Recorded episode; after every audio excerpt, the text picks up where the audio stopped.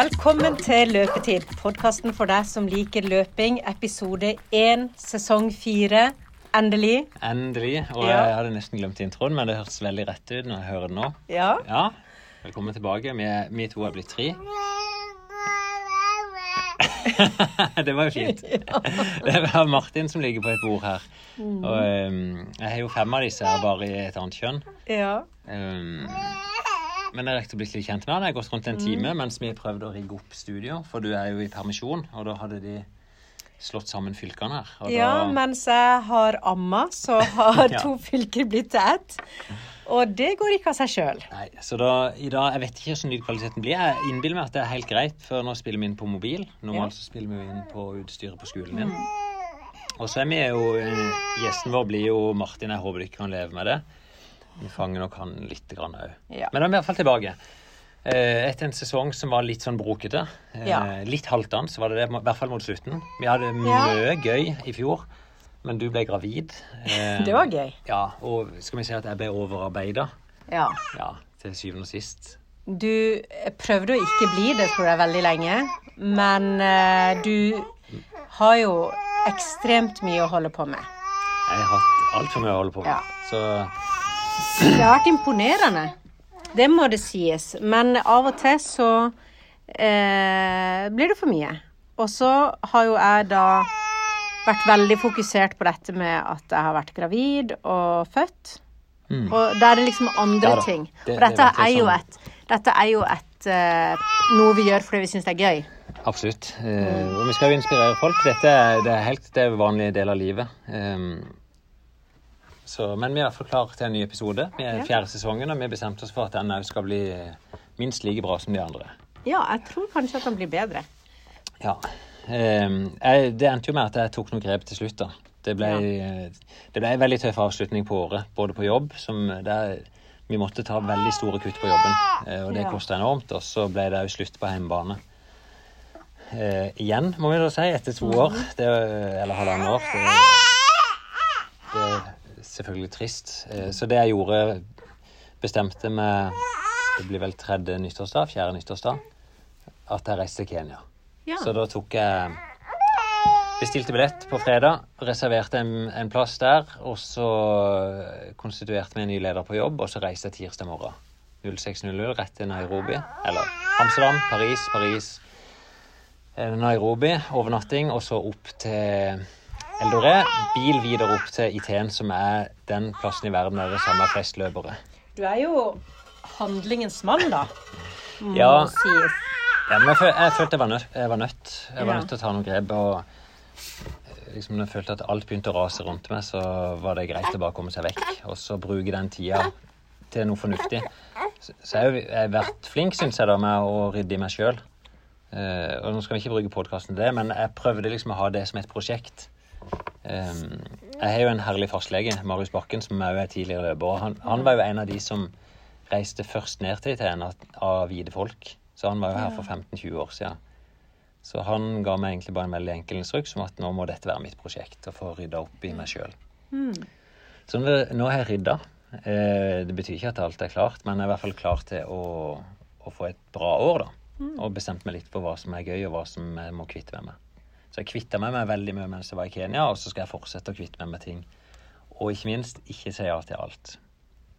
Veldig bra. Ja. Høres veldig bra ut. Ja, Og så, så har det- du jo sagt til meg at podkast er en ting du har lyst til å fortsette med. Mm. Ja, absolutt. Jeg syns jo dette er gøy. og Det er faktisk noe av det som jeg skrev på lista. Liksom, hvilke ting er det som driver meg? Og det å dele og inspirere, det kjenner jeg at det er rett for meg. Så, og da må jeg gjøre det. Ja. Så Da deler jeg litt på Facebook og Instagram, og så syns jeg dette er en veldig fin måte å formidle noe av det en opplever på. Og i hvert fall så lenge folk syns dette er gøy. Ja. Og det, er jo, det har jo blitt veldig gøy. Og vi kjenner jo egentlig hverandre bare gjennom dette prosjektet. Vi Ja. ble kjent fordi jeg hadde lyst til å lage podkast. Så det er jo utrolig spennende måte også å Tenkte på i dag Jeg kunne ingenting om løping da vi begynte med dette. Og du eh, var, kunne litt om podkast, men du var liksom Ja, OK, da du skulle høre litt på det om det, dette var noe. Ja, det var jo du som kom til oss og, og sa du kunne hjelpe oss med podkast. Ja. Og det har vi jo definitivt gjort. altså Lært om det på jobb og, og fått ganske mange. Mm. Det har ikke jeg sett nå, men før vi avslutta forrige sesong, så hadde vi over 350 000 nedlastninger. Mm. Så det er mange som hører på oss. Høydepunktet mitt var jo på, på Jernåtta. Når jeg ble gjenkjent på Bryne på en konsert som uh, Løpepodden, var det jeg som kalte meg der. Og at hun elska meg. Så det, det må jeg kunne si. Da er det liksom uh, Da er en opplevd med, med podkasten. Ja, ja, ja, ja. Hvis noen blir liksom starstruck gjennom en podkast, da er det Nå prøver jeg å gjøre alt jeg kan for at ikke Martin skal lage lyd, men det er litt vanskelig. Ja, jeg ser det. Nå ammer du Ja. puppene rett i fleisen her. Det får vi tåle. Jeg håper du ikke tåler det. blir sikkert ikke sånn i hver episode. Nei. Men det som er verdt og Jeg reiste jo ned til Kenya, og jeg tok bare med meg mobilen. Jeg tenkte jeg kunne spille litt inn. Og jeg er ganske flink til å spille inn òg, så jeg så nå Jeg tror jeg klippa sammen 40-50 minutter. I, mest om stemning. Og jeg, jeg prøvde å være litt sånn at jeg skulle ikke gå inn og forstyrre de som var der nede. Jeg tenkte jeg kunne prate sjøl denne gangen. Eh, Men jeg reiste jo ned eh, helt alene. Så visste jeg at Sondre Nordstad Moen var der, og jeg visste at Christian Ulriksen var der. Så eh, jeg holdt det hemmelig for begge to. Så det var egentlig veldig gøy å komme opp i leiren. Altså, det er vanskelig å beskrive hvor langt det er, men når du kommer til Nairobi, da følger du i en annen del av verden i hvert fall. Så flyr du en time til Eldoret, og så kjører du bil en time da fra en liten by i Kenya opp til ei bitte lita bygd langt opp på fjellet. Vi er på 2400 meters høyde, og inni der da så er det en plass som heter Kerio View, som er en ganske fin plass. Og der eh, bare dukka opp. Eh, dessverre da, så er det han som eier stedet. Han hadde spurt Christian om han kjente en som heter Finn. For han hadde skjønt at jeg kom fra Norge. Så to timer før jeg kom, da fikk han et lite forvarsel. Så det var litt, eh, litt trist. Men Sondre visste ingenting. Så han ble veldig overraska når jeg kom opp der. Men eh, litt rart spørsmål. Dette her, for meg så høres det jo litt sånn der eh, Eat, pray, love ut. At liksom sånn man trenger en ny start, og så legger man liksom alt bak seg og drar til Kenya for å løpe. Ja, Eh, det, er jo ikke, det er jo ikke de fleste forunt å ha mulighet til det når eh, eh, de, og liksom, når ting krasjer litt når sammen. ting krasjer, eller man trenger liksom å hente seg inn. Men eh, å dra på sånn et løpested, hvis man sitter og lytter til dette her og Ja. føler på seg at dette er noe jeg trenger, er det mulig for Ja, eh, liksom hvem, som helst? hvem som helst kan dra opp der, og det er sånn utrolig åpenhet i dette miljøet for å Mm. ta imot hvem som helst. Og det var faktisk to andre nordmenn òg som kom ned.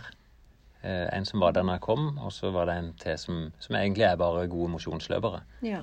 Eh, Men du trenger ikke reise til Kenya for å få ro. Så det var jo liksom eh, Det var et signal til meg sjøl og til de rundt meg at jeg var nødt til å gjøre et grep.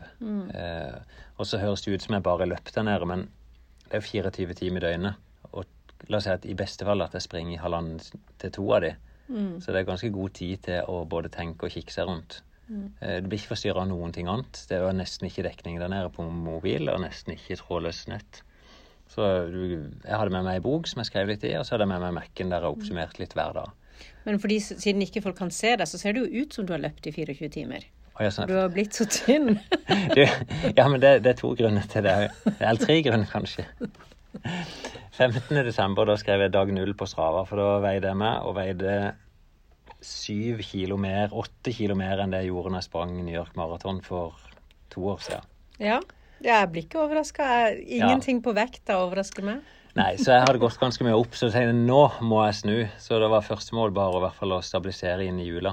Eh, Men så med samlivsbrudd og tur til Kenya, så, så raser vekta kjappere ned, da. Eh, Så nå Vi og Joakim var ute og sprang i går. Da, da var jeg gått ned til 68 da, etter en løpetur. Så jeg har gått ned 6-7 kilo på fem uker. Så det, det er derfor du ser at jeg blir sånn tynn i kjaka. Jeg tror jeg veide 68 da jeg gikk på videregående. Siden har jeg aldri sett det, det er ikke viktig sånn sett. eh, Men jeg har jo noen mål i år. Jeg satt i målene egentlig veldig sånn enkle. Det skal ikke være noe sånn stress i år. Eh, Jeg har lagd meg noen sånne grunnregler for meg sjøl, og det ene er balanse. Og det er balanse på dette òg. Så jeg har sagt at et mål er å springe 10 km på 33. Jeg har jo løpt på 32 og noe før. eh, Halv maraton på 1,14 og maraton på 2,39. Så jeg er påmeldt i Berlin. Så det blir det siste. Eller det blir avslutninga, så kan vi i hvert fall følge noe av den utviklinga. Og jeg tipper nok i desember så var jeg nok nede på en 10 km opp imot 40 minutter. Sånn at formen hadde dalt ganske bra. Og jeg hadde jo gått mye skada. Men nå er jeg skadefri og ja, veldig sånn motivert for å, å drive god trening. Men da vi begynte med podkast, så var, trente du ganske sånn store mengder, og eh, det var Du hadde jo dette her hjertet som Ja, ja. slimra noe veldig, og du hadde skader, og du trossa det. Har du tenkt noe på de tingene? Om du på en måte skal kjøre deg på den måten fortsatt, eller Nei, hva, som jeg sa, at jeg tenkte i hvert fall jeg skal være litt mer i balanse. Sånn at alt, jeg skal roe ting litt grann mer ned. Ja, men betyr det disse Det- tingene også? Ja, men eh, alt blir jo litt sånn i forhold til andre, da. Hvis du hadde reist ned til Kenya og sett hva de beste gjør, så dreier absolutt hele livet seg om trening. Det er jo ikke sånn i hverdagen min. Nei. Eh, for- meg så er trening den er Sikkert 90% er en sånn sosial arena. Sånn at når Joakim kom ut til meg i går, og, så er det egentlig for å prate. Mm. Da har vi en god time sammen, så vi, vi prater jo hele tida. Og det handler jo ikke om trening og løping. Det handler om alt mulig annet. Mm. Det er liksom jobb og kjæreste og, og alt som vi kan fatte interesse for, og mye humor.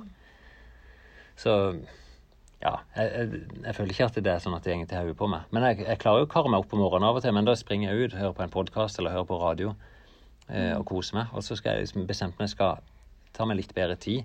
Så var jo litt det jeg gjorde i Kenya òg, at jeg stoppa i noen veikryss og kikka og bare sto der og, og liksom tok inn de inntrykkene jeg så òg. Ja. Så det blir ikke dårlig av det. Nei, Nei. det gjør man absolutt ikke.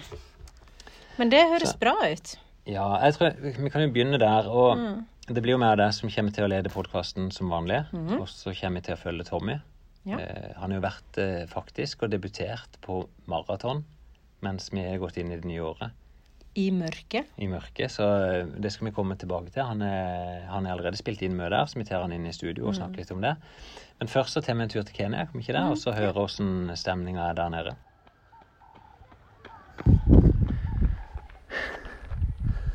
Så velkommen til Kenya.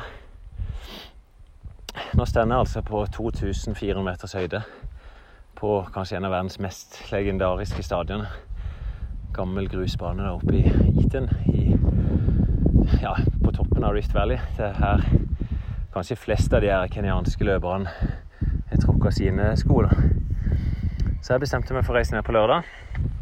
Eh, nå er det onsdag, så jeg reiste tirsdag, og så landa jeg for en liten Ja, jeg der morges, da. Og så kom vi opp her og møtte Sondre ja, Sondre Nordstad og Kristian Ulriksen. Litt sånn overraska over at jeg kom. Så jeg bor eh, jeg vet ikke, noe som heter eh, Kiero View, som er Det ligger akkurat på grensa, og du ser utover hele Rift Valley. Så du ser ja, kanskje et høydedrag på 1000 meter ned. Eh, et fantastisk eh, landskap. Så jeg tok snart på meg joggeskoene, og så tok jeg den første turen. og bare, det det langt det har vært. 3,5-4 km ned til denne banen. Eh, egentlig bare for ja, få litt følelsen av å komme i gang. Og det, det blir tungt. Eh, jeg har ikke sett noe på farta, men det kjennes jo nesten ut som jeg springer på terskelen når jeg springer 5,5 på kilometeren. Så, men sånn er det bare. Første uka må bare være rolig. Så planen er å, å komme litt til hektene her. Eh, Det har vært et veldig tøft år i fjor. Eh, og, og egentlig tøff start på året, så da bestemte jeg meg at jeg tar en ordentlig timeout og så reiser jeg bort. Og ja, bruker tida godt her nede. Jobber litt med meg sjøl, og så får løpt eh, Det blir sikkert to løpeturer om dagen. Morgenen og ut på kvelden. Og, og selvfølgelig hente masse inspirasjon og mye lærdom fra de både utøvere og trenere som er nede. Jeg kan jo ta dere med rundt banen òg, altså. Det, de driver og restaurerer nå, så de graver opp alt, og så er det bare grus. Bygge opp et nytt tribunanlegg. Men ja, egentlig bare jord. Pakka jord som springer på nå. Og så er det som en sånn liten sti nærmest. Det er på ingen måte noe luksus. Det er tydelig at det er mange som har vært og løpt her. Banen jo ligger på platået med utsikt ut mot Rift Valley. Litt vindutsatt er det selvfølgelig. Det blåser litt. Det hører det ikke kanskje. Hører det ikke hører jeg at pusten kommer jo med en gang. Glemte å starte her, men Faktisk herfra så ser jeg bort mot det hotellet vi bor på. Eller motell, eller hva det er for noe. Det er veldig sånn spartanske rom. Jeg kan ta og beskrive det når jeg kommer tilbake. Veldig spesielt når det er så høyt oppe som dette. Det føles bare som en vanvittig dårlig form. Knyter seg liksom i, i halsen. Når jeg egentlig kommer mot bakke, så stivner liksom bare. Men så er det ja, kanskje seks til ti dager, så begynner det å bli akklimatisert. Så hjelper det seg. Jo flere opphold du gjør, da, jo raskere vil det komme tilbake. Jeg har bare vært her to ganger før, så jeg vet ikke om det er noe hjelp i det. Absurd å tenke på min egen pust nå. Jeg springer helt flatt.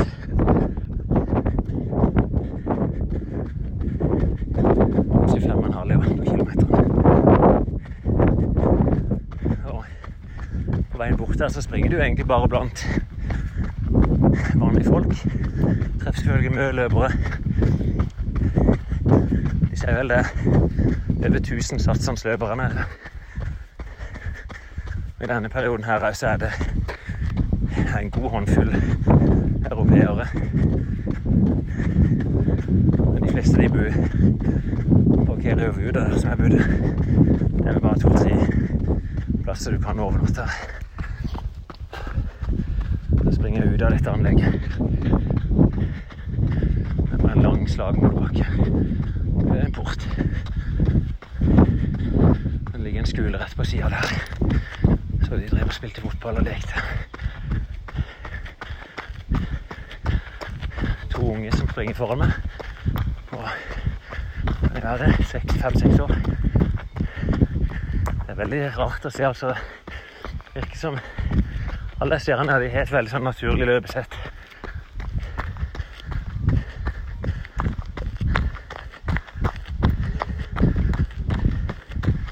Stopper de å gå. Oi.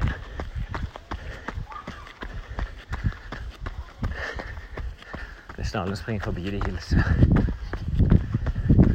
Alltid et vennlig smil. De kaller seg jo litt for det smilende folket. Er lett å smile tilbake.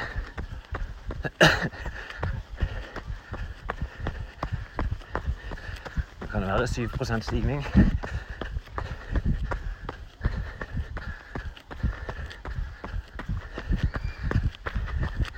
Det er de første to-tre dagene som er desidert verst. Avtalt å møte Sondre og Kristian til lunsj, og så ut og løpe i femtida. Akkurat nå er jeg vel skeptisk om jeg klarer. Får se hva han hadde hatt. Hei. 29 km i dag morges.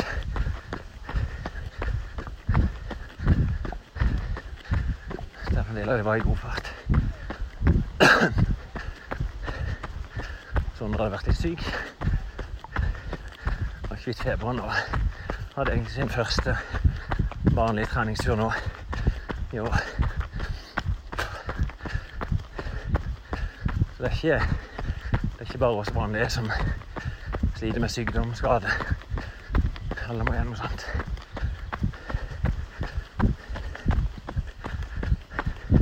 Litt sånn den rar den følelsen av eh, å springe bare inn i et lokalsamfunn. Veldig mange som bare labber rundt.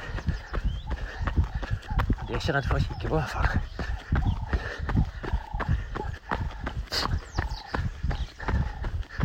Sauer og kuer langs veien.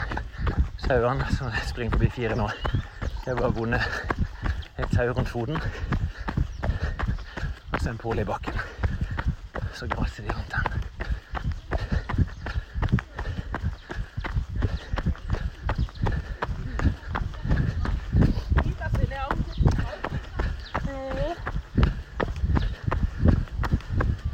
Det er løpere som kommer. Hei. De springer veldig rolige, mange her òg, altså. Og så er de sine harde økter som henger stygg fort.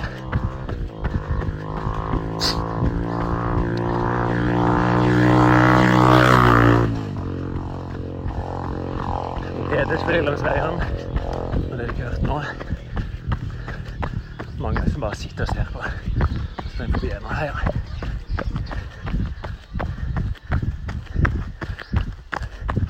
Det er dam som henger og bærer noe melk. Så faktisk en i stad, det var litt viktig. Det var det i 2014. Og møtte en kar som gikk og bar på et lite spann melk. Det slipper kilometer mer nå. Han bar dette spannet eh, ni kilometer da, for å tømme fra kua den dagen. Ni tilbake. Og han samme, samme karen traff her i stad. Han bare på det samme spannet. Seks år siden. Jeg var her, og da hadde jeg med meg Stian Bekkevold og Kristian Kjørnholm ned for å lære. Jeg var med her snaue to uker. Så var jeg alene for to år siden.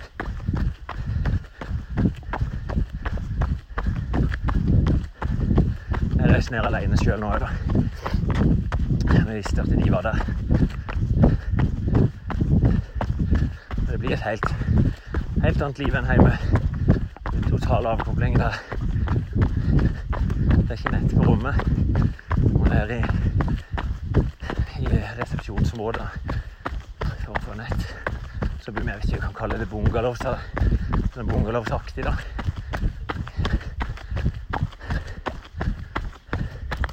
Jeg tror akkurat nå så er det bare løpere som var der. Veldig mange afrikanske løpere. Hei.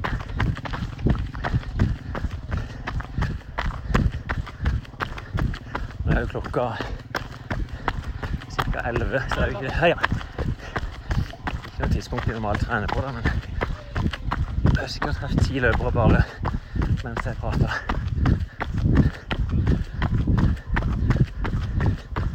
Kanskje løst forbi jeg vet ikke, 30-40 personer. Så er vi folk det skal jeg. Veldig, veldig eh, pumpete grusvei. Hei. Ja, fikk jeg tommel opp. Happy New Year.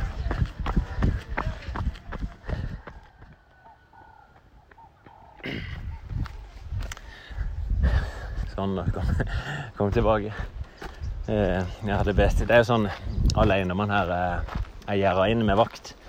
Jeg vet ikke hva uttrykk det er, men det er i hvert fall, de passer godt på.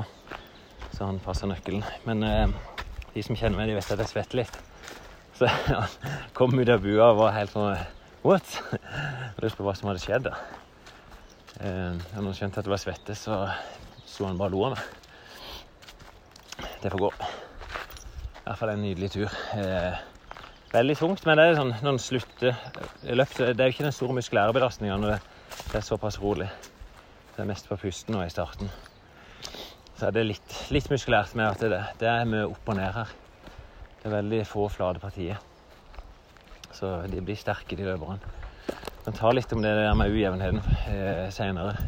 Og det er en del fordeler med det, både skademessig og faktisk for løpsteknikken òg. Det området vi er i nå, kom inn her, det er ja, hvor stort kan det være? La oss si 300-400 meter eh, langt av det området, og så kanskje 100 meter breit. Som er her inne. Og så er det, det være fem-seks bungalows med to og tre etasjer. Så ja, det ser ut som afrikanske hus. Og så er det De har brukt lagt flider i, i blomstene og sånt. Det ser nesten ut som en botanisk hage. Og så er det et vanvittig, vanvittig utsikt, altså. Med, jeg ser utover den dalen. De, en eh, elefant. Ikke en ekte elefant, men svær eh, metallelefant og afrikanske sånne buskashytter. Og så Ja, det er i hvert fall 1000 høydemeter ned. Det er vanvittig syn. så Jeg skal ta bilde og legge ut. Eh, og så er det en resepsjon. Der, eh, der serverer de frokost, lunsj og middag. Eh, sånn som det er, for så har jeg vært der noen ganger før og spist. Jeg har bodd på en annen camp tidligere, da, men eh, veldig god mat her. Eh, ja, jeg sa jo det vi har avtalt å møtes klokka ett. Så, men det er folk som kommer ned og spiser her pga. den. Og så er det en liten sånn gym med ja, lite styrkerom, kanskje på fem ganger fem meter. Så er der inne. Med bare sånn helt basis, basic-apparatet. Så nei, jeg skal trives her. Det blir veldig mye ro, da. Eh, målet er jo å ha en del tid for meg sjøl. Og prøve å stake ut litt sånn retning framover. Ikke bare løpsretninger, men litt for meg sjøl. Dette er en veldig fin plass å være. Eh, Temperaturmessig nå så det, kan det være 17-20 grader bare. Så vi er såpass høyt. Så selv om det er midt i Afrika, det er jo ikke langt fra ekvator. Så vi fly, fløy jo over ekvatoren og fra Nairobi og så opp til Eldoret. Eh, Det var en tur vi kjørte faktisk første gangen vi var her. Syv timer kjøre fra Nairobi opp. Eh, Nei, så det er ikke så varmt her oppe. Nå er det, det er ikke så ofte at det er så mye regn på denne tida, men det er regnet litt i dag, så de har meldt litt sånn dusk nå da de neste dagene, og så blir det noen varme dager. Men det er jo helt perfekt treningsvær.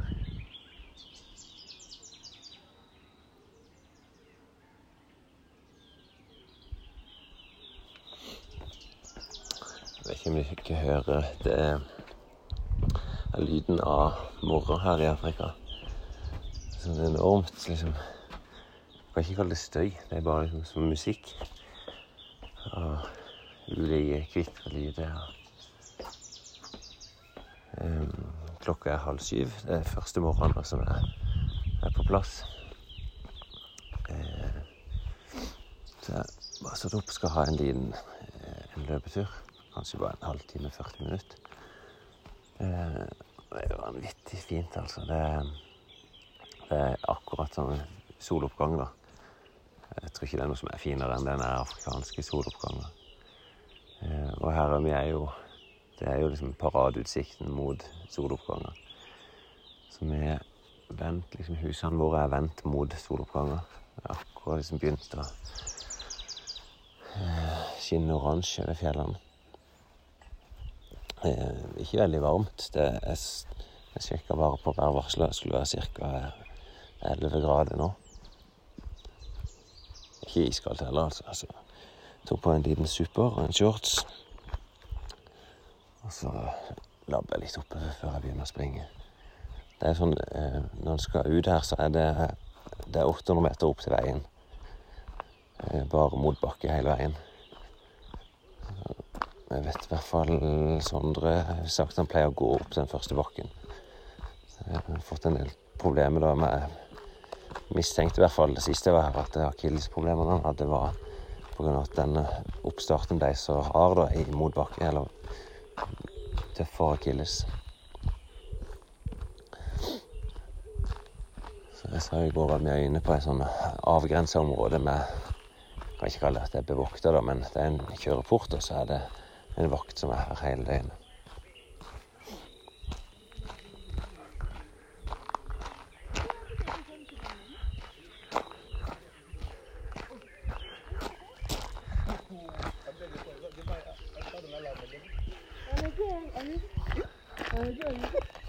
Morning.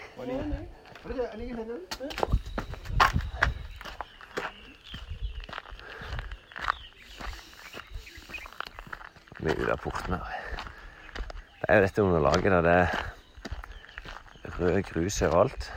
Ikke sikkert har sett det er en afrikansk jord. Også veldig steinete. Eh,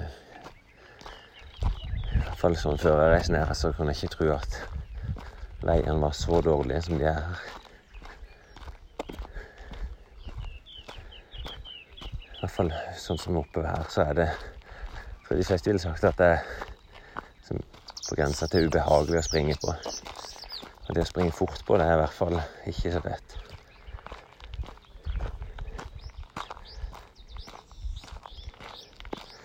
Det er jo bare da to er her, og det, jeg merker bare labben nå. Lett motbakke, så begynner pusten å komme. Men så Jeg sprang jo med Kristian og en som heter Geir i går, og de hadde vært der ei uke nå. Og Da er liksom den første ja, andpustenheten den begynner å slippe taket. De springer en halv minutt kjappere på kilometeren uten at det er noe forskjell på pulsen. Så kroppen akklimatiseres. Jeg jobber jo mye mer, så det er ikke så veldig mange spesielle ting jeg må tenke på, men må drikke litt mer, hvile mer. Eh, og så er det jo bare å henge på på de måltidene som er det Det var jo litt mer behagelig her enn på den plassen jeg var sist. Det er veldig bra utvalg på mat. Og når jeg sier veldig bra, så er det, det er som sunn, god mat. Det skal Ja, du skal, skal mye til å klare å legge på seg her. Det er jo ikke noe utvalg av Det er jo ikke noe godteri og noe sånt. Det er, det er mulig å få tak i, men jeg må gå en kilometer da, på en kiosk her, så er det veldig begrensa utvalg der òg. Så det, det er lett å gjøre gode valg.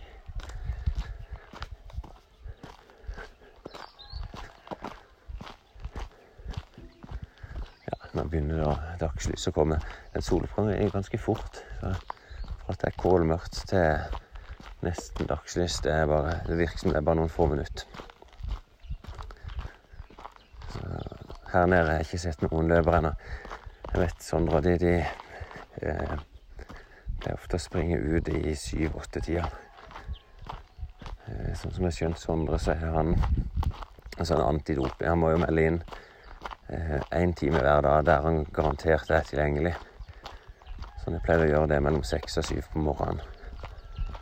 Nå vet han at han er her, og så forstyrrer ikke det treninga hans. Hvis han hadde satt opp det at det var klokka åtte, f.eks., og han er ute og trener og ikke de får tak i han, så kan han få en advarsel for brudd på reglene.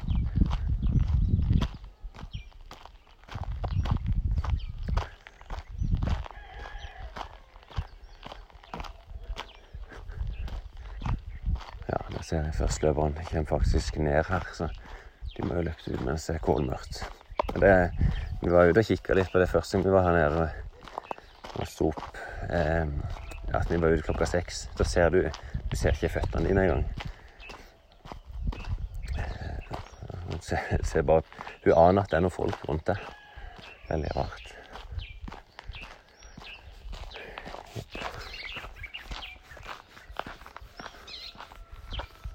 Vi springer veldig sakte, noen av dem. Det er liksom bare Sånn som man her ser ut som en internasjonal løper. Springer kanskje syv minutter på kilometeren maks. Bare ekstremt sakte. Det er fascinerende. Da får jeg begynne. Skal vi se. Kanskje få inn en GPS. Det er greit å logge tida en springer. Så det er jo hvor en skal springe. Det er liksom nesten ubegrensa med muligheter. Eh, Begge turene i går så sprang jeg ned rundt den gamle stadion. Tenkte nå at jeg skal ta litt motsatt vei og så springe inn mot byen og så inn i boligområdene. Eller vet ikke hva det er for noe. Inn på de veiene i hvert fall som er til høyre når jeg kommer opp bakken. Er enormt, med lyder rundt. Jeg vet ikke om du ikke hører dem, men det er i hvert fall fascinerende. Nei, jeg skal kose meg.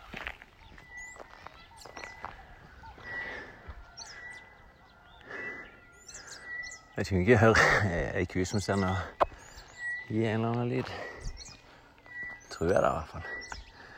Den sender midt inn på, på bygda i noe Jeg tror det må være det mest fantastiske synet som kan være. Eh, Jeg har løpt seks-syv kilometer. Bare sett gradvis soloppgangen, og liksom akkurat sola vikka horisonten. Eh, Så er det en sånn ro. Det ligger et sånt teppe av røyk. De fyrer jo med Det må være noe kull de fyrer med, stort sett, av ved. Eh, Så ser det ligger sånn røyklag rundt hver eneste hytte. Eh, Og treffer jo ja, hundrevis av barn på vei til skolen. Jeg vet ikke hvor mange skoler jeg løp forbi, men 10-15 stykk kanskje. Det er mye folk her. Eh, Men det er liksom Du er med på hele oppvågninga av landsbyen. Noen bor i sånne blikkskur, og noen i jordhytte. Og jeg springer jo på en sånn humpete grusvei. Det er så fint å bare stå her og nyte liksom den der soloppgangen. Se noen fugler. Ja, det er fint, altså. Sånne flotte Jeg vet ikke, jeg vet ikke sånne fugler er, men sånne jeg forbinder med afrikanske enten tegnefilmer eller dokumentarer. Som flyr sakte forbi over himmelen her. Det er vel tredje dagen er her nå. Femte løpeturen. Det går overraskende fint, altså. Jeg tror noe av hemmeligheten er Jeg blir jo tvunget til å springe veldig sakte da, pga. høyden. Og så er veien her eh, veldig humpete. Jeg har jo sagt det noen ganger. Men det er så humpete at jeg syns det er vanskelig å springe fort i det hele tatt. Sondre som har vært her noen år, han sier han bruker noen dager for å tilvenne seg, men det er på disse veiene han springer 3.40-45 på sine vanlige løpeturer.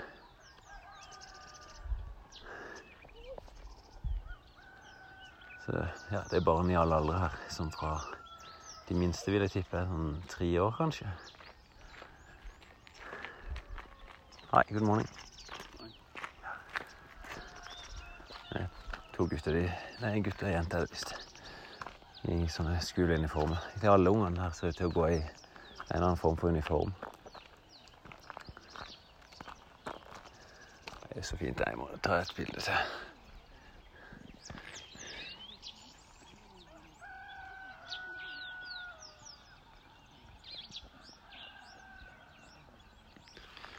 Ja, kjempeflue folk. Det føles litt flaut å ta de bildene av de.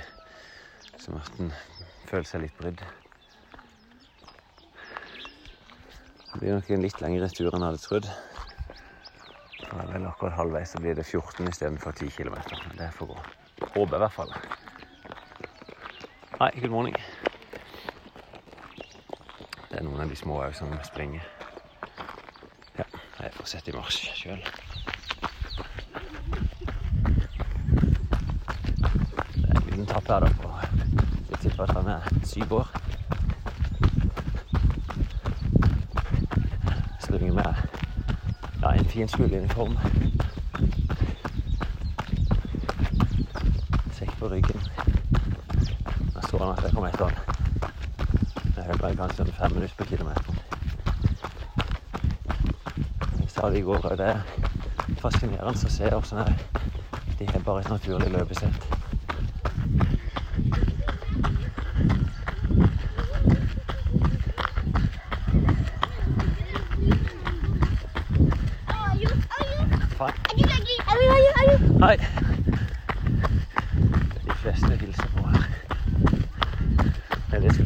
Usikker på om jeg kommer ut i veien. Skal vi noen her.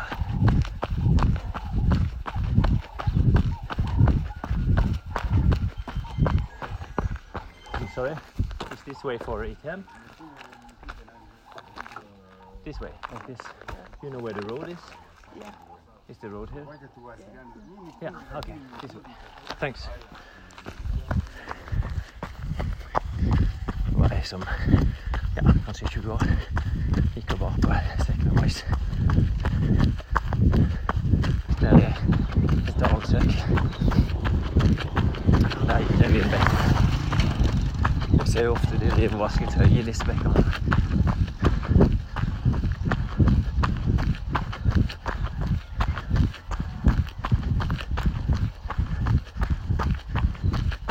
Det er veldig sånn tradisjonelt da, at det er damene som vasker tøy.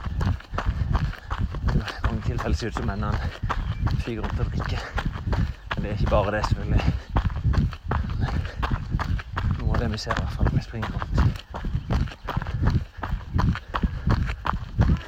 Hei, morning.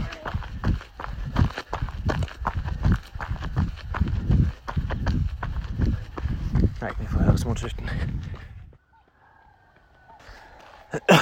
Oi. Se der. Det ble en drøy tur. Det viser jeg hadde løpt altfor langt ned i stad. Jeg, jeg fant jo ut Jeg fant den veien til slutt. Så jeg, jeg håpte jeg var en annen plass enn jeg var. Eh, Det er en friidrettsbane som ligger 3,7 km herfra. Så jeg var helt sikker på at jeg var mellom den og her. Sprang oppover. Klarte ikke kjenner kjenne meg igjen. Og så etter fire kilometer da kom jeg opp til den banen. Da visste jeg hadde 3,7 igjen. Så nå ble det 18 istedenfor 7. Det er litt drøyt uten jeg har ikke spist når jeg tok en slurk vann før jeg stakk ut. Og jeg planen egentlig bare sånn gode ti kilometer. Det er egentlig fint, men jeg tror jeg skal være ganske kjapp ned i frokosten. Men det er nok en av de fineste turene jeg har hatt her. Helt magisk i den soloppgangen. Springe liksom langs landsbygda. Og treffe Jeg vet ikke hvor mange folk jeg traff der, men noen, noen hundre.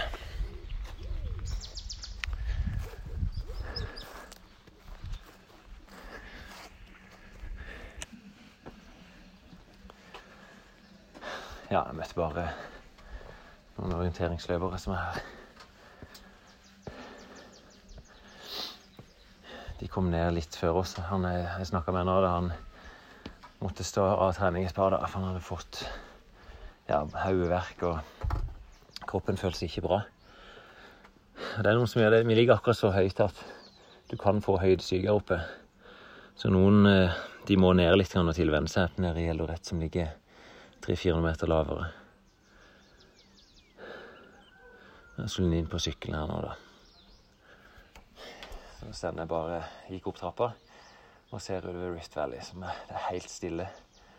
Helt skyfritt i dag. Ser bare liksom ei sky helt, helt i horisonten. Så det er vanvittig fint. Liksom De eneste lydene du hører, det er fuglekvitter. Og noen haner som galer rundt forbi. Klart jeg skulle bli solbrent i går. Solbrent i nakken, selv om jeg smurte med en faktor 30, så gikk jeg nok litt for mye rundt uten å smøre meg på nytt. Får bare holde ut, smøre meg godt igjen i dag. Hun er jo veldig sterk her oppe i sola. Merker jo ikke mye, ikke sant, det er kaldt, altså. så er kaldt og kaldt, men 18-20 grader.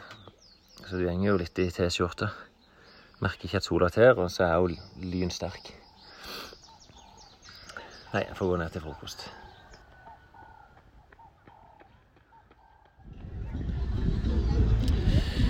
Håper de ikke hører mer.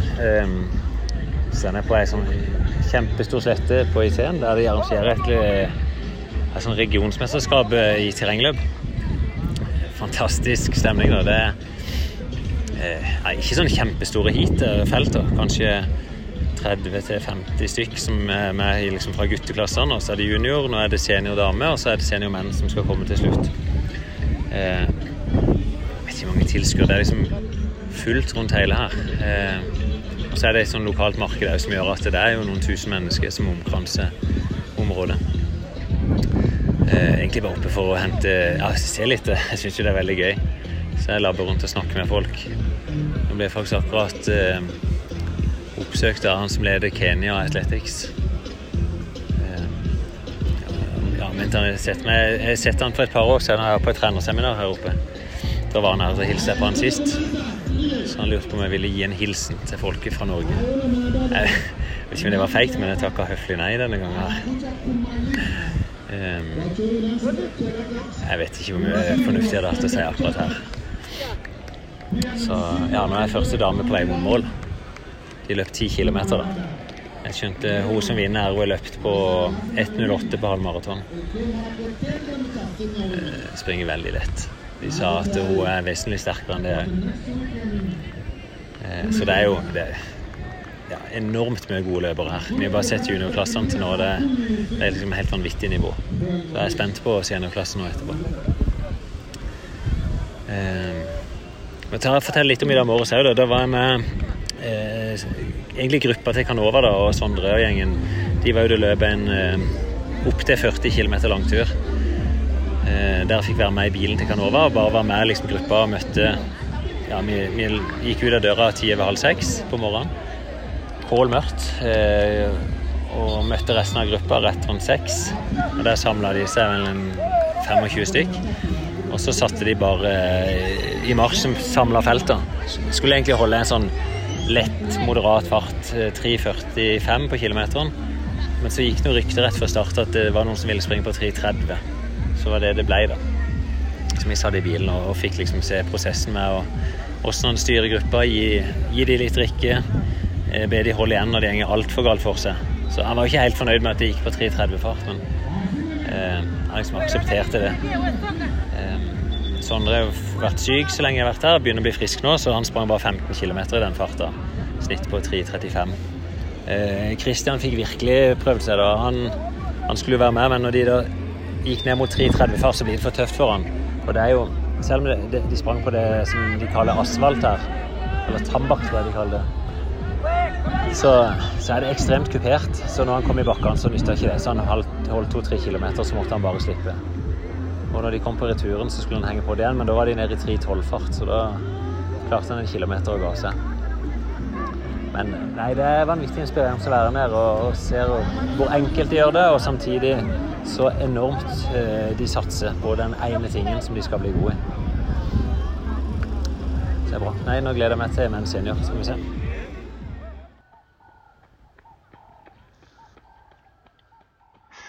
Ny, fantastisk morgen her nede i Afrika.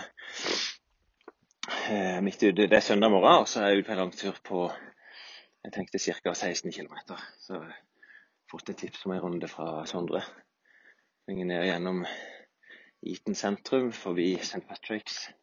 Ned til der de starter den kjente fartslegen. Og så følger den fartslegsløypa tilbake igjen til, til Carrier View, der vi bor.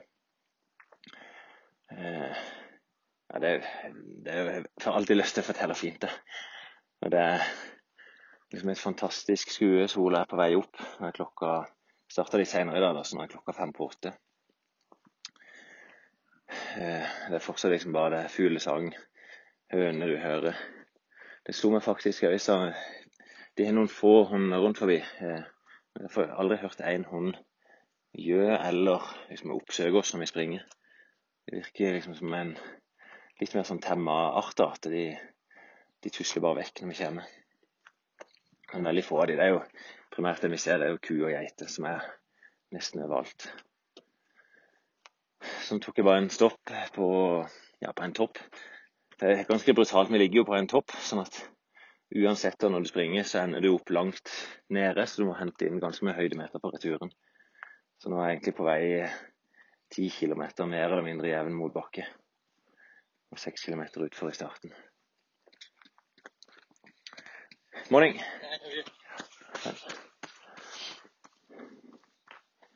Nei, så treffer jo folk. Eh, hjemme så blir jeg nesten aldri fraløpt, men her gjør jeg det. Eh, men ikke nødvendigvis. altså. Jeg løpt forbi mange kenyatt i dag, og mange av de virker veldig avslappa når de er ute på de rolige turene sine.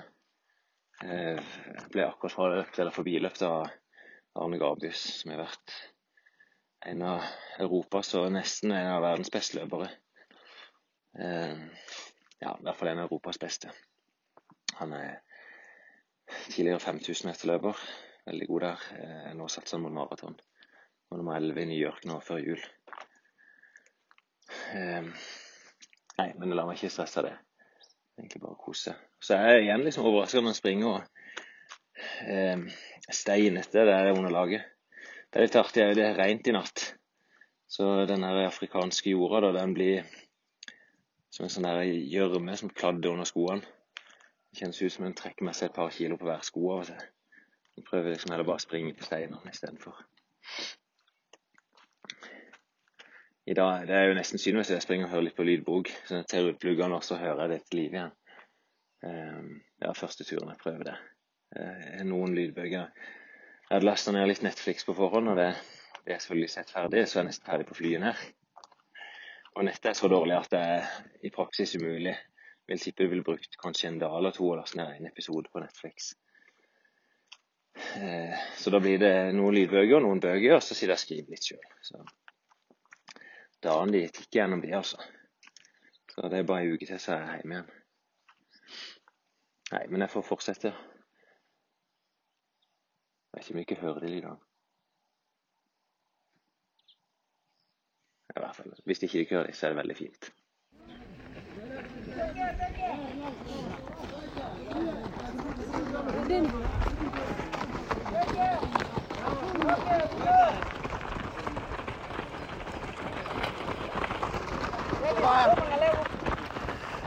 Jeg står nede på en bane i Kenya.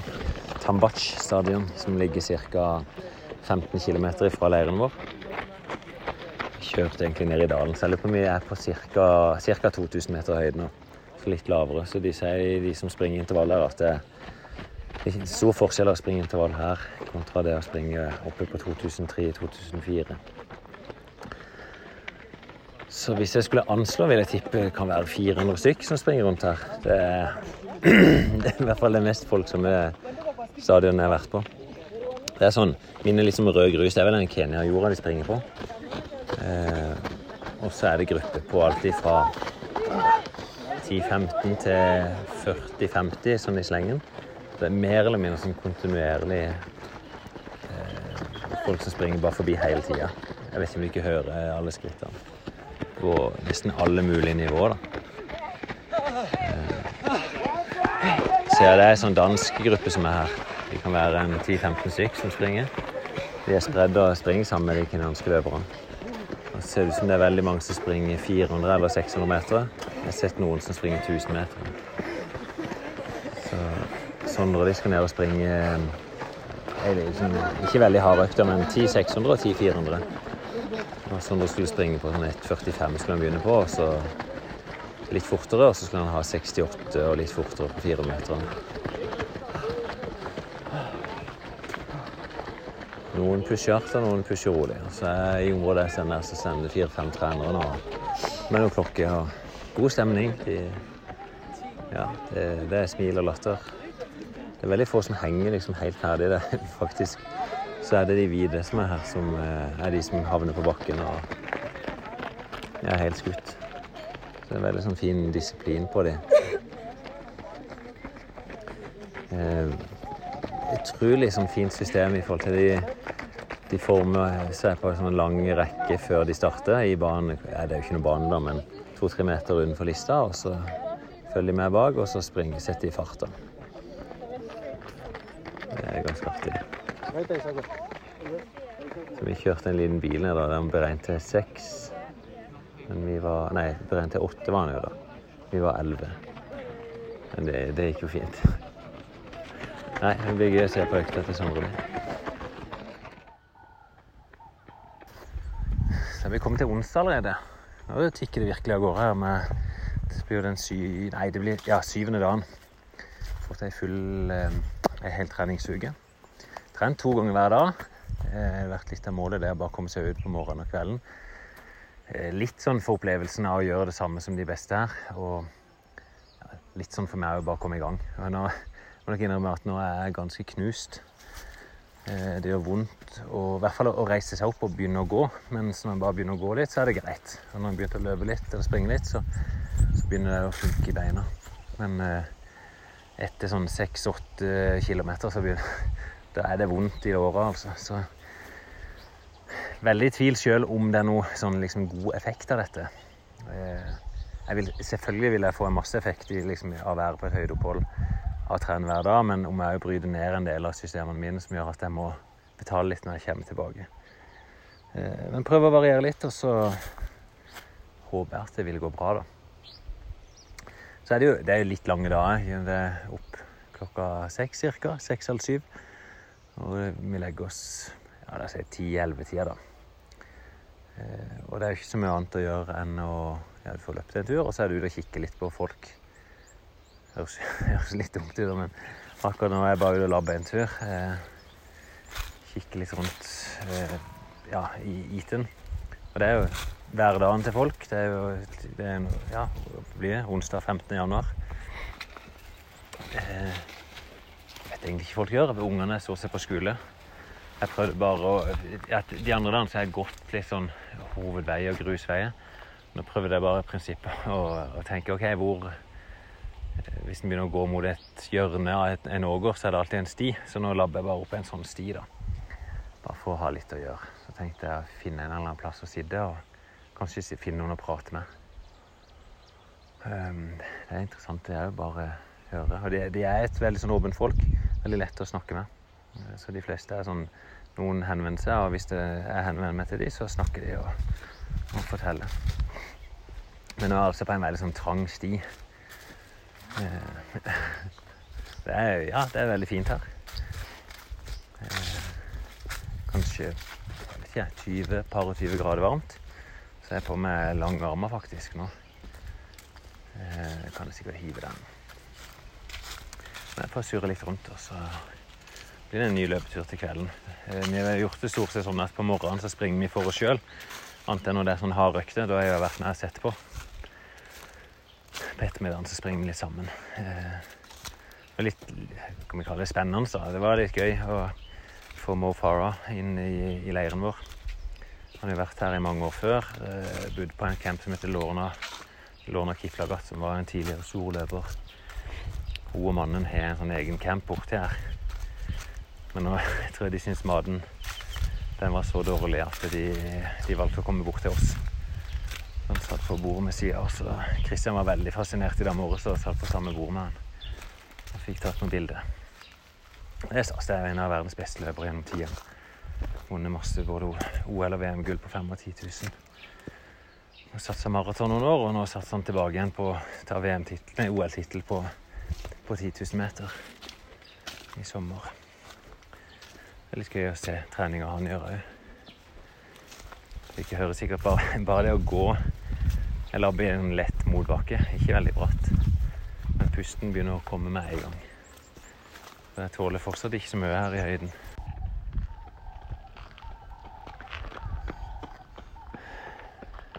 Det var ikke en fantastisk morgen. Jeg sprang en tur nå på kanskje syv kilometer. Ned rundt den kjente St. Patrick's. Ehm, Der fikk jeg plutselig følge av en kar, Emos, som spurte bare sto langs veien og spurte om han kunne løpe med meg. Så, eh, han begynte å løpe forrige uke, så han var veldig interessert i tips om trening. Så jeg kunne jo fortelle han at vi reiste ned her for å få tips om trening.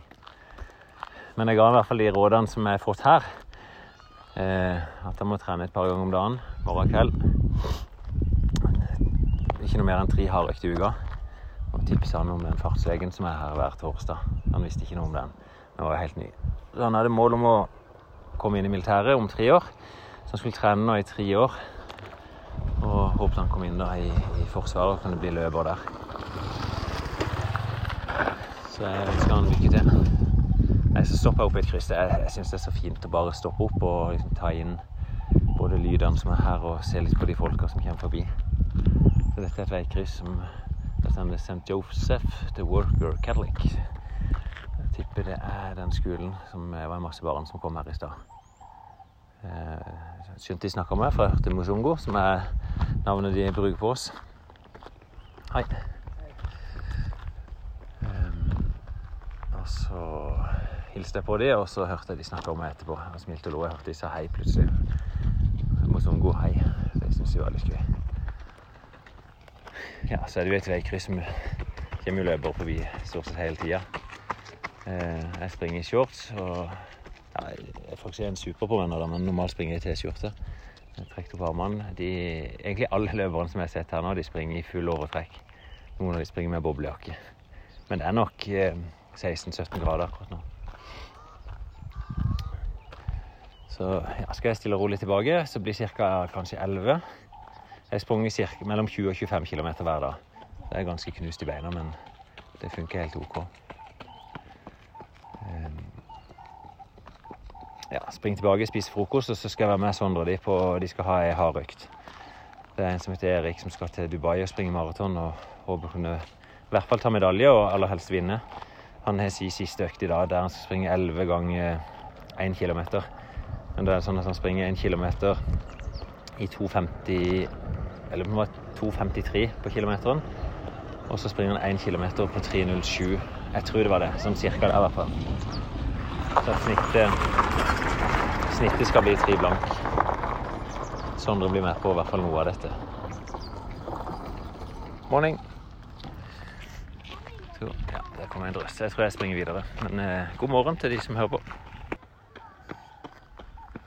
Du, det ble jo litt brå avslutning på den, eh, det Kenya-opptaket der. Og det var rett og slett det var Sondre som uh, catcha meg akkurat når jeg kom inn og summerte opp siste løpeturen. Så vinka han meg opp, og da hadde han fått eh, de nye Nike-skoene, Nike Alphafly, som ingen i verden har sett. Det, Ja. det eksisterer ett bilde på internett, eller i hvert fall gjorde det på lørdag, der Kipchoge sto etter løp på 1,59 på maraton. Sto avbilda med de hendene. Eh, ellers har jo dette vært en mega-PR-stunt fra Nike der alle fartsholderne som er løpt sammen med han, de løp i noen andre, det som heter Vaporfly. Der Kipchoge sprang på noe annet. Så det har vært spekulert i hva er dette. Og, det er jo kommet ut at disse skal hete Alphafly. Og som er en enda bedre versjon av disse supermoderne skoene. Ja, og dette er jo disse skoene som de har sagt at kanskje ikke skal bli lov å bruke internasjonale sånn arrangementer. Ja, altså, det er jo lov å bruke det, men du vil ikke få noen godkjente rekorder på det. sånn. Nei. Eh, jeg vet ikke om det er blitt til det. Det er bare i hvert fall spekulasjon og rykte på det. Eh, litt vanskelig for å forstå, for det, det er jo ikke sånn at det er ei springfjær som gjør at du får mer tilbake enn det du dytter ned. Nei. Eh, det, er riktig, det som er spesielt, er jo at sålen er veldig høy. Han er nesten fire centimeter. Og så inni der ligger det fire karbonplater som, for, som er veldig stive. Som er at når du treffer bakken, så, så får du litt sånn følelsen av å bare bli dytta opp igjen. Ja. Så du får liksom dempinga, men òg stabiliteten. Litt sånn høyhælte sko. Eh, Jeg har aldri prøvd, men Men i hvert fall men, noen mener at det gir en fordel da, som andre ikke er. Og det har vært snakk om at kanskje forbudt fordi han er ikke kommersielt tilgjengelig for alle. Eh, Det har vært rykter om at han kommer til å koste mellom 5000 og 6000 kroner. Ja, Eh, Og så kan en spørre seg er det sånn at det er tilgjengelig for alle. Ja. Men Sondre hadde i hvert fall fått en sånn type sko, da. Og eh, angrer på at jeg ikke prøvde den, men vi fikk ta på den og se at det ser ut som en veldig, veldig rar Det ser ikke ut som en sko, nesten. Men eh, tok bilde av den og så la ut på Instagram. Og når jeg landa i Paris noen timer etterpå, så fikk jeg melding fra Sondre at jeg måtte fjerne det. For da hadde Nike sett dette bildet, og de sa at no closer pictures of Alphafly. Så det er fortsatt så er jo dette markedsføring, da. At de skal lansere. Ja, ja, ja. Jeg tenker jo eh, en sånn en type sko Hvis du er, ikke er vant til å løpe på noe sånt, så, sånn akilles eh, og sånn må jo få en helt Du må jo få et helt annet Det, det blir et annet løpesteg. De diskuterte Det ble jo mye tid til å diskutere rundt middagsbordet her. Eh, og sko var definitivt et av temaene. Og Canova var jo stadig og sa at eh, 'don't believe in the shoes, believe in the training'. Ja. Heldigvis så satte jo verdensrekord på 10 km mens som var der nede, Ja. på Adidas-sko. Så jeg fikk liksom drept litt av den diskusjonen at det kun er Nike sine Vaporfly som gjelder. Men det som noen spekulerte på, er at etter de løpt mye på den nye eh, de Vaporflyene, da, som de heter, eller Vaporfly, det er at folk har fått trøbbel opp i hofta. Sånn at du flytter bare støtene andre plasser. At du tar imot belastninga Kanskje. Jeg vet ikke. Det var bare spekulasjoner. Så, men de har jo lagt ned enormt med forskning i dette. Og eh, Canova fortalte jo at Nike hadde vært og prøvd på mange av de beste løperne i verden. Men de passer ikke for alle. Og han fortalte jo at Bekele han måtte ha sine egne spesialmodeller som ikke var Vaporfly, som ligner på dem. Du tror du ser han løp på det, for han er sponsa av Nike, men det er egentlig bare en Bekele-modell som passer hans løpesett. Så det gjelder nok fortsatt det at du må finne sko som passer deg best sjøl. Mm. men det er klart Nike lykkes markedsmessig. da. De kan plutselig selge flere sko til dobbel pris. Og det lønner seg jo. Og så har jeg hørt at de blir så fort slitt. Ja. Ulempen da, når du skal ha veldig lett eh, dempestoff, så blir det ofte eh, slitasje Altså det går utover slitestyrken på dem. ja. Så ja. Jeg tror, ikke, jeg tror ikke jeg skal investere i det, for å si det sånn. Det er ikke der det begynner. Jeg tror vi er for å adoptere det som Canova sa. Believe in the training. Ja. Jeg får komme til eh, enormt mye si, kunnskap jeg tilegna meg da gjennom de dagene i Kenya. Og jeg vet ikke 50 timer treningsdiskusjon rundt middagsbordet med Canova, med Sondre og, og flere. For det er jo det er litt et miljø der nede. Og det, vi fikk jo Mo Farah kom inn i campen og, og var der flere, sikkert fem-seks av de dagene jeg var der. Mm, Du, da må du fortelle meg hvem det er. Det er en god løper. Veldig god løper. Eh, jeg kan nesten si at det er den beste løperen gjennom tieren. Han tok I 2012, når det var OL i London, så tok han gull på 5000 og 10 000. Og så tok han VM-gull på det samme, 5 og 10 000, og så nytt OL-gull i Rio på 5 og 10 000. Oi. Så har han gått litt over til maraton, men han sa det at når han satt og så på VM-finalen på 10 000 i fjor, så bare skjønte han at nei, det er baneløper jeg. Jeg skal tilbake, og han skal vinne sitt tredje OL-gull. Eller sitt femte OL-gull, men tredje på rad på 10 km, da. Så gøy. Så det er en stor løper. Eh, og når han velger å komme til View, så tenker jeg at da er det plassen å være. Da må vi vært på rett plass hvis du skal bli god til å løpe. Men det var i hvert fall liksom avslutning på Kenya. Og jeg sier jo til mine utøvere at det, det er ikke de 14 dagene du er der nede du blir god av. Du blir god av den mentalitetsendringa. At du, det gjør noe med deg. Det er lettere å få trent det du skal når du kommer tilbake. Så, Får du en litt sånn eh, Jeg har jo bodd veldig mange år på Cuba. ja. Eh, og jeg syns det var litt vanskelig når jeg kom tilbake og se hva folk var opptatt av. Her hjemme. Her, Ja, ja. Det er veldig Jeg fikk en litt ja. sånn der eh, At jeg ble nesten litt sånn sky, menneskesky. For jeg ble litt irritert over banaliteter som folk var opptatt av. Og, og så når jeg visste at det var mulig å leve på en så enklere måte, Ja. eh, og at det å ha problemer var eh, På Cuba da var å ha mye vanskeligere utfordringer enn det man hadde her. Ja, det er litt sånn absurd når du er der nede. Jeg kaller jo det smilende folket. Mm. Uh, uansett det hardt de har det, så er det alltid et smil. Uh, de kommer bort og tar deg i hånda og lurer på hvem du er. uh, og er liksom happy. Når jeg spør om hva de skal til middag, de, de svarer ugali med grønnsaker. Og det er kjempegodt. Kanskje for, Det er det eneste jeg har hatt hele livet. Så det setter jo ting i perspektiv. At du trenger ikke ha så veldig mye for å være lykkelig. Eh, Men jeg kan ikke si at jeg har kommet hjem og blitt irritert, altså. Det gjør jeg ikke. Men jeg ser jo at fokuset er annerledes. Mm. Og jeg prøver å ha med meg det litt, som jeg sa, liksom det å ha balanse. At eh, da er det lett å lene seg tilbake på det. Tenke at OK, men det er faktisk mulig å puste gjennom nesa. Mm. Det er ikke sikkert det er så hast med det du skal gjøre likevel. Så en med Jeg skrev vel, jeg la ut et bilde på Instagram at en tar med meg litt av Kenya tilbake igjen. Og, og det er jo noe av det. det er mange av bildene jeg har tatt, ser du òg, som er på skjermen foran oss.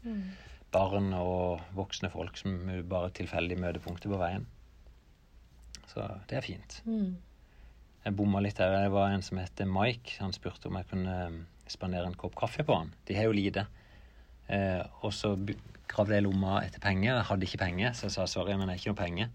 Og da arresterte han meg litt på at eh, han spurte ikke om penger. Eh, han var ikke noe tigger. Men han ville prate med meg, bli kjent med meg og ville eh, ta en kaffe med meg. Og det var ikke noe nå, men neste gang vi møttes, eh, hvis det var en kaffe i nærheten, så skulle vi ta kaffe. Så det er liksom en annen måte å, å tenke på. Mm.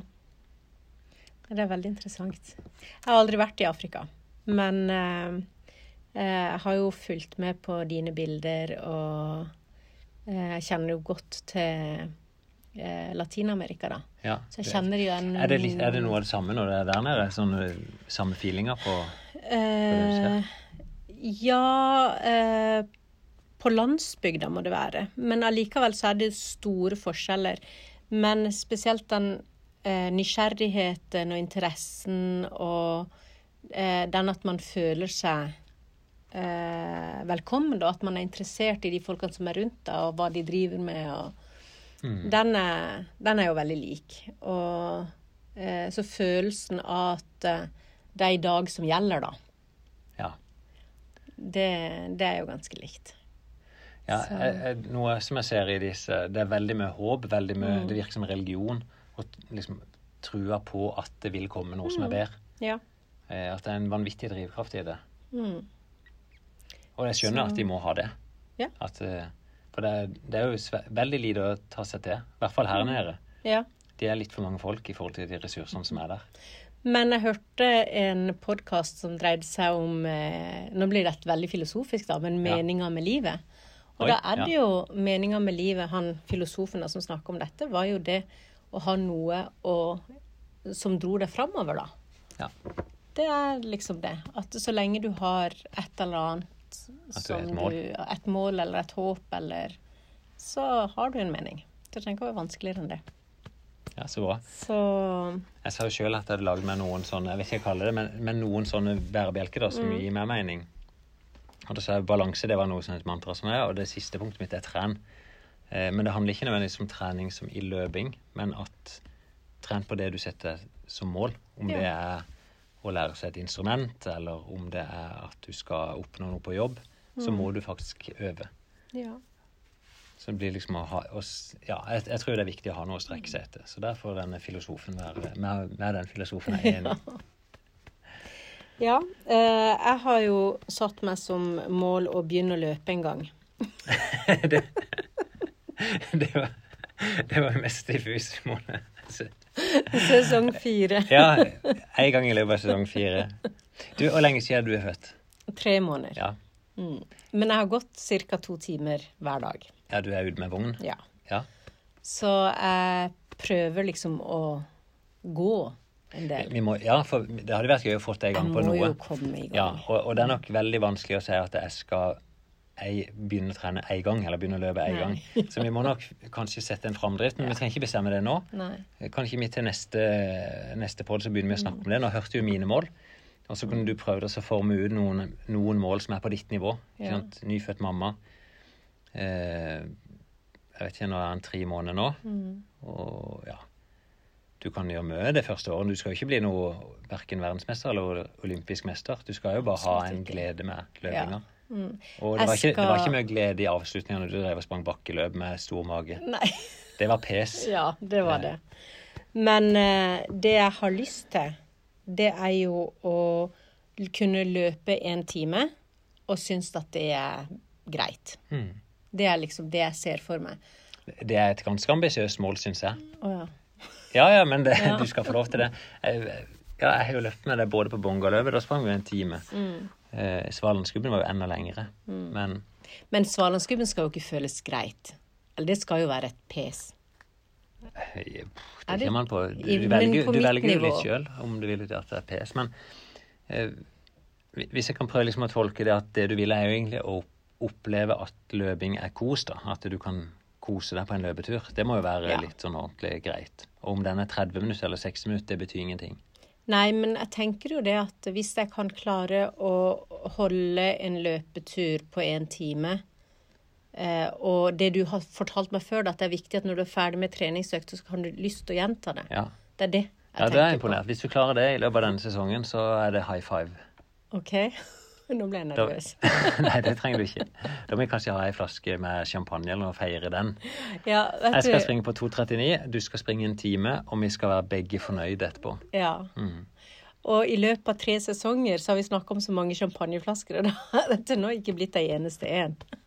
Så må- kanskje må- i løpet av sesong fire så skal jeg kanskje sprette ei champagneflaske. Jeg må nok innrømme at jeg spretter noen champagneflasker på veien sjøl, men ikke her på podkasten. Så det blir sesongfinalen i år. der jeg spretter sprette champagne. Ja, men det er veldig bra.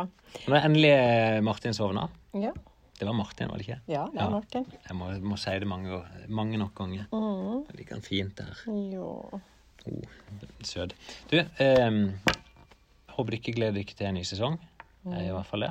Ja, Og så ambisjonen ca. hver 14. dag skal vi komme ut med en ny episode. Kanskje på 40-50 minutter. En time er litt lenge, og denne blir jo litt lenge. Men da er det mye Afrika, mye prat. Så Mange nei, fine lyder. du, kos deg på trening. Ja. Hei. På med joggeskoene.